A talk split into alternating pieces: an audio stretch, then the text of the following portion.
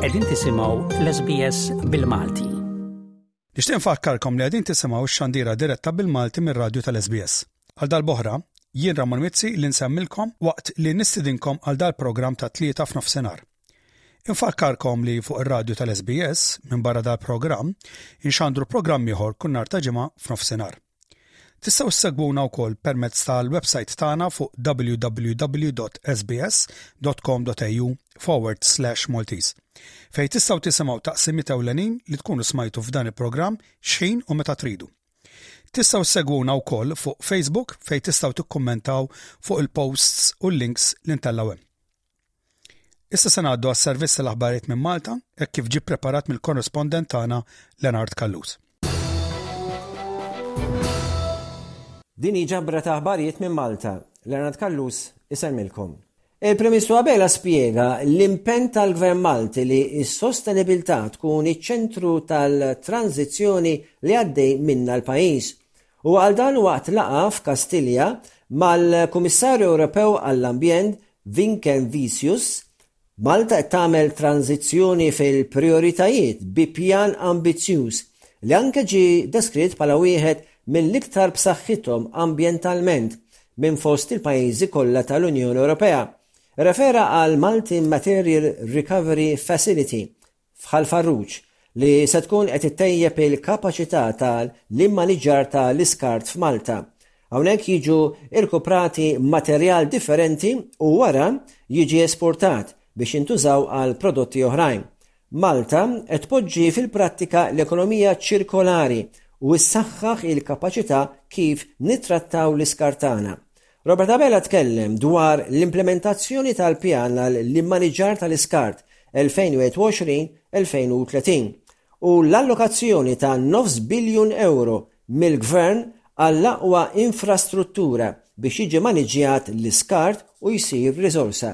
Abela sostna li Malta hija kommessa li tkompli tinvesti u tieħu deċiżjonijiet meħtieġa u anke timplimenta l-Pjan għall-Immaniġġar tal-Iskart b'kampanji ta' informazzjoni u għal aktar għarfien. Matul il-laqgħa kienu diskussa wkoll l-industrija tal-akwakultura f'Malta li hija waħda fost mill-aqwa fl-Unjoni Ewropea. Meta ndirizza s-Summit Dinji tax-Xogħol f'Ġenevra, il-President ta' Malta George Vella saħaq li m'għandna nħallu lil ħadd warajna iżda ngħinu lill-ħaddiema. Sostna li bħalissa fid-dinja hawn 658 miljun persuna li jgħixu fil-faqar estrem, numru rekord fid-dinja. Il-mira li kellha d-dinja li l-persentaġġ ta' nies li jgħixu fil-faqar estrem jinżel għal 3 fil-mija sas-sena 2030, mira li wieħed irid jinsa sakemm ma jkunx hemm miżuri sinifikanti u jbiddlu ħafna affarijiet. Qal li l-mexxejja tad-dinja għandhom jaħdmu biex ma jħallu lil ħadd warajhom meta jieħdu d-deċiżjonijiet. Tkellem dwar l-isfidi li qed tiffaċċja d-dinja u mhux inqas id-dinja tax-xogħol, il-pandemija, l-inċertezza ekonomika u l-gwerra bejn ir-Russja u l-Ukranja. Affarijiet diffiċli li ħallew marki kbar fuq is-soċjetajiet u l-popli madwar id-dinja. Sostna dwar il-bżonn ta' aġenda ħolistika biex il-gvernijiet jgħinu fil-ħajja tal-miljuni ta' nies. Rridu nerfgħu r-responsabilità, sostna Dottor George Vella, kif il-komunitajiet tagħna spiċċaw wisq individwalisti.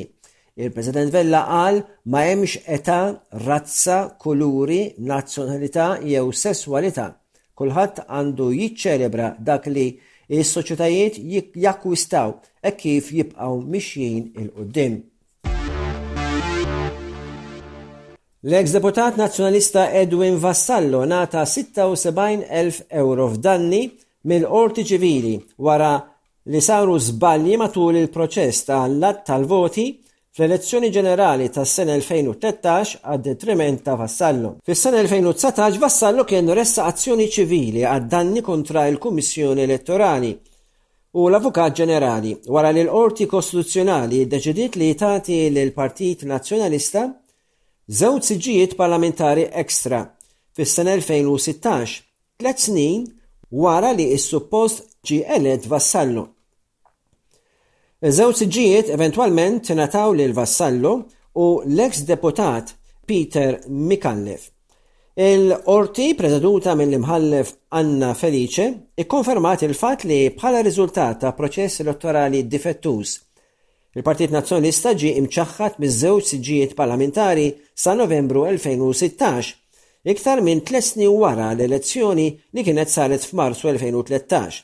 Vassallo kellu jgawdi ftit xhur fil-Parlament wara li kien xort il-Parlament f'Mejju 2017. Skont statistika ppubblikata mill-Eurostat, Malta kellha l-ogħla żieda fil-ħruġ ta' permessi għall-bini fost l-Istati Membri tal-Unjoni Ewropea bejn is-snin 2021-22, minkejja li l-permessi naqsu fil-maġġoranza tal-Istati Membri tal-Unjoni Ewropea. Fis-sena 2022 Malta kellha 22% żieda fil-permessi f'termini ta' użu ta' floor area, imqabbel mas-sena 2021, biex għamluha wieħed biss fost disa' pajjiżi fl-Unjoni Ewropea li rreġistraw żieda milli tnaqqis għal permessi bħal dawn. Malta kienet segwita viċin minn Spanja bi 28 fil-mija, il-Kroazja, 21 fil-mija mbagħad Slovenja, 17 fil-mija. Skont il-Eurostat, in-numru ta' permessi għall-bini fl-Unjoni Ewropea żdied bi kważi sitta fil-mija kull sena, bejn is-sena 2015 u s-sena 2019, iżda din ix-xejra kienet interrotta minħabba il-pandemija tal-COVID-19.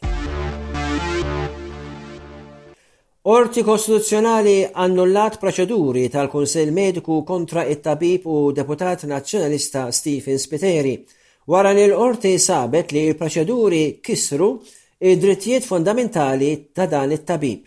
F'sentenza l-Imħallef Robert Mangion qal li d-drittijiet ta' Spiteri għal smigħ xieraq inkisru meta l-Kunsill investigah għal allegat iffirmar ta' ċertifikati mediċi mingħajr ma eżamina l-pazjenti.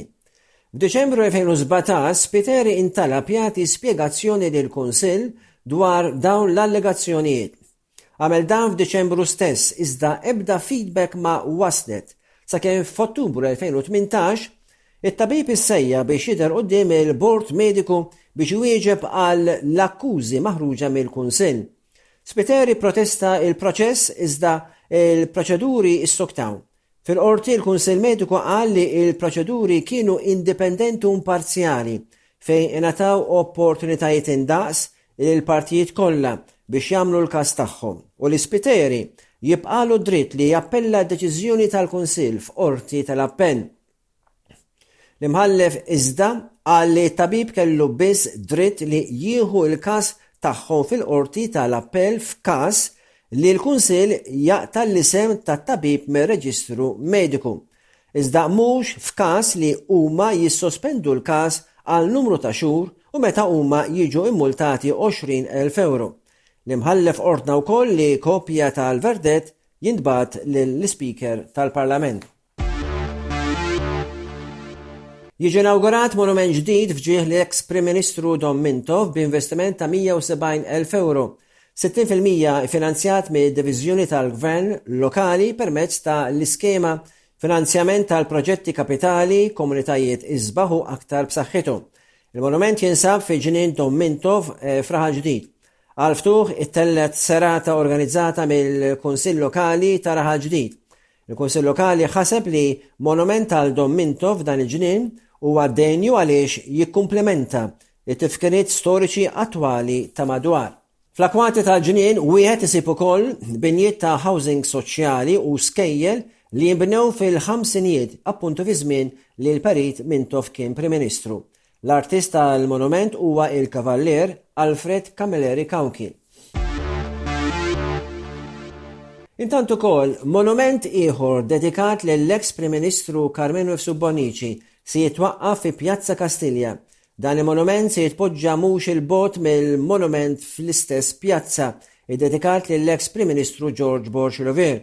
Is-sejħa għal dan il-monument saret mill-Ministru għall-Kultura Owen Bonnici. Artisti interessati fid-disinn ta' l-istatwa tal-bronż jistgħu jiġu sottomessi bil-proposti tagħhom lil Heritage Malta u l-Ministeru għall-Kultura. Mifsud Bonici kien miet f'Novembru li għadda fl-età ta' 89 sena.